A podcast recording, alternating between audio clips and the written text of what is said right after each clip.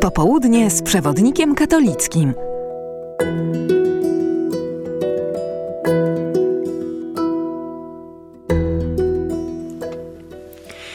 Dziś e, witam się z Wami e, tylko ja, e, ksiądz Wojciech Nowicki. Bardzo serdecznie pozdrawiam wszystkich słuchaczy Radia i czytelników Przewodnika Katolickiego.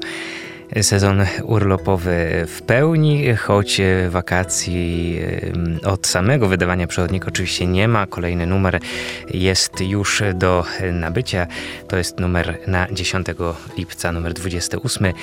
A na okładce mm, ciekawa propozycja, z którą e, wychodzi e, Watykan, mm, mianowicie propozycja przygotowania do małżeństwa. Taki daliśmy podtytuł, nawet Nowa droga przygotowania do małżeństwa. Konkretnie chodzi o katechumena dla narzeczonych. To ciekawa propozycja, która jest właściwie w jakimś sensie kontynuacją czy przypomnieniem może nieco zapomnianych postulatów Amoris Leticia, dokumentu Franciszka właśnie poświęconego e, kwestii e, małżeństwa i przygotowania do małżeństwa.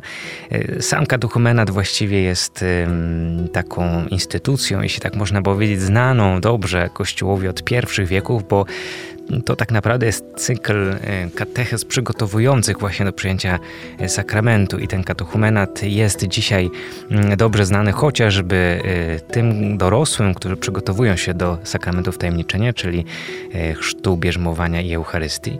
Oni przechodzą właśnie w ciągu roku przez cykl takich katechez. Jest to wszystko też oparte o rok liturgiczny, o pewne też wydarzenia właśnie w liturgii. Mm, I w jakim sensie właśnie papież Franciszek mówi, a może, czy Watykan mówi, a może warto właśnie, żeby to przygotowanie do małżeństwa też miało właśnie taką formę, żeby to nie było tylko mm, przygotowanie do zawarcia jakiejś formy umowy między małżonkami, jakim jest małżeństwo, ale, ale zobaczyć w tym coś więcej, to znaczy zobaczyć przez pryzmat wiary przymierze i to tak silne przymierze, jak przymierze na przykład Chrystusa z Kościołem. O tym wszystkim pisze ksiądz Piotr Szkudlarek, który który jest y, też, który studiował y, na Uniwersytecie Nawary w Pampelunie, a jest sekretarzem i ceremoniarzem arcybiskupa metropolity poznańskiego. E, ale temat, to jest temat z okładki, natomiast tematem numeru e, czynimy rozmowę, którą przeprowadziła Małgorzata Bilska z księdzem Marcinem e, Wojtasikiem. Ksiądz Marcin Wojtasik jest dyrektorem Wydziału Katechetycznego Kurii Archidiecezji Łódzkiej. Jest też katechetą w Liceum Ogólnokształcącym imienia Mikołaja Kopernika w Łodzi. I Małgorzata Bilska, rozmawia z nim mm, właśnie o katechezie, no właśnie, katechezie czy lekcji religii w szkole. Mm, próbują to wyjaśnić, to rozróżnienie.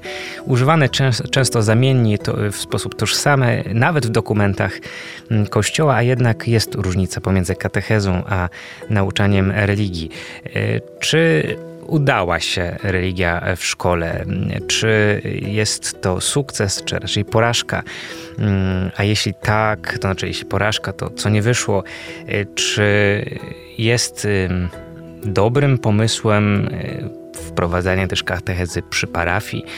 Mm, a może zastępowanie jej zamiast szkoły właśnie w parafii? No, to są pytania, z którymi się mierzymy i z którymi jakoś próbuje się zmierzyć także właśnie ksiądz Wojtasik w rozmowie z Małgorzatą Bilską. Bardzo serdecznie polecam. Poruszamy też problem bardzo aktualny związany z tym, że jeszcze kilka lat temu y, każda diecezja jakoś tak mocno szła w kierunku mm, budowania swoich instytucji, chociażby na przykład seminarium, ale teraz sytuacja jest taka, że że tych kleryków w poszczególnych diecezjach nie jest zbyt wielu. Dlatego e, zaczyna się taki proces łączenia e, seminariów i taki przykład mamy chociażby w archidiecezji poznańskiej, gdzie od e, nowego roku szkolnego, akademickiego, formacyjnego będą się przygotowywać do kapłaństwa klerycy z trzech diecezji: poznańskiej, kaliskiej i bydgoskiej. I y, no właśnie, jak to będzie wyglądało może w przyszłości, próbuje się nad tym zastanowić ksiądz Artur Stopka, seminaria w połączeniu. Jest też jeszcze jeden temat trudny y, i, i, i, na pewno wywołujący jakąś gorącą y, polemikę i dyskusję. to jest kwestia mm, zadośćuczynienia skrzywdzonym przez, przez ludzi w kościele. Kwestia wypłaty właściwie tych odszkodowań i tego, kto właściwie mm, to odszkodowanie winien wypłacić, czy sprawca, czy kościół, który, mm, w imieniu którego właściwie on działał.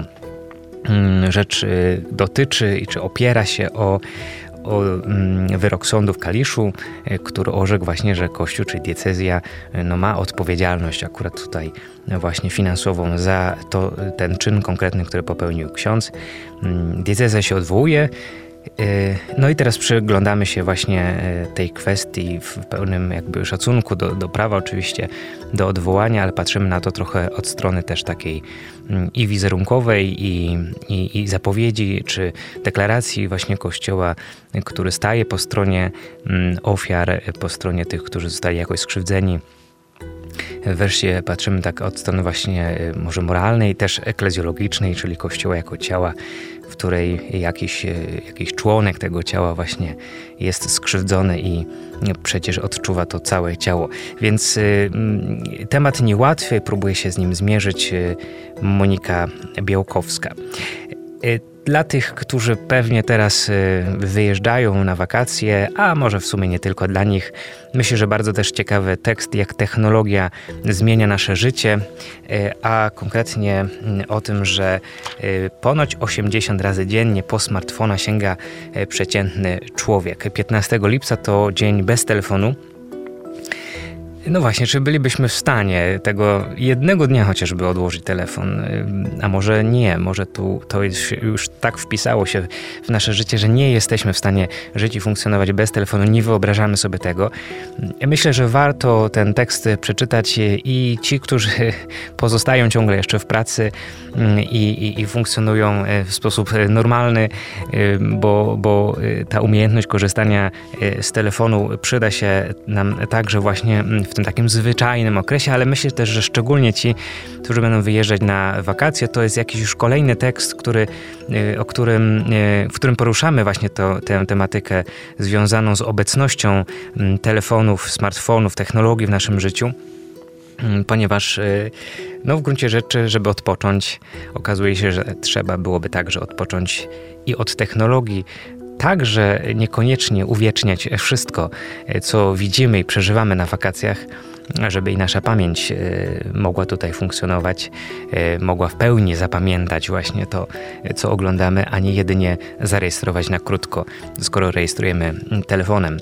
A więc koszty technologii to, to jest tekst Katarzyny Frużyńskiej, naszej psycholog. Weronika Frąckiewicz z kolei o niepozorowanej pracy, czyli o tym, jakie szanse właściwie na możliwość zarobkowania i poczucia zadowolenia i wydatkowania siebie dla dobra drugiego człowieka, osiągania sukcesu mają osoby ze spektrum y, autyzmu.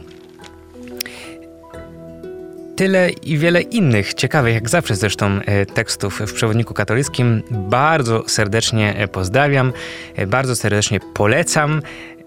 A tym, którzy y, muszą pracować, y, życzę dużo wytrwałości i sił, a tym, którzy wybierają się na urlop, żeby wypoczęli, nabrali sił. Przewodnik katolicki zarówno dla pracujących, jak i wypoczywających jest na pewno dobrą lekturą. Polecam ksiądz Wojciech Nowicki.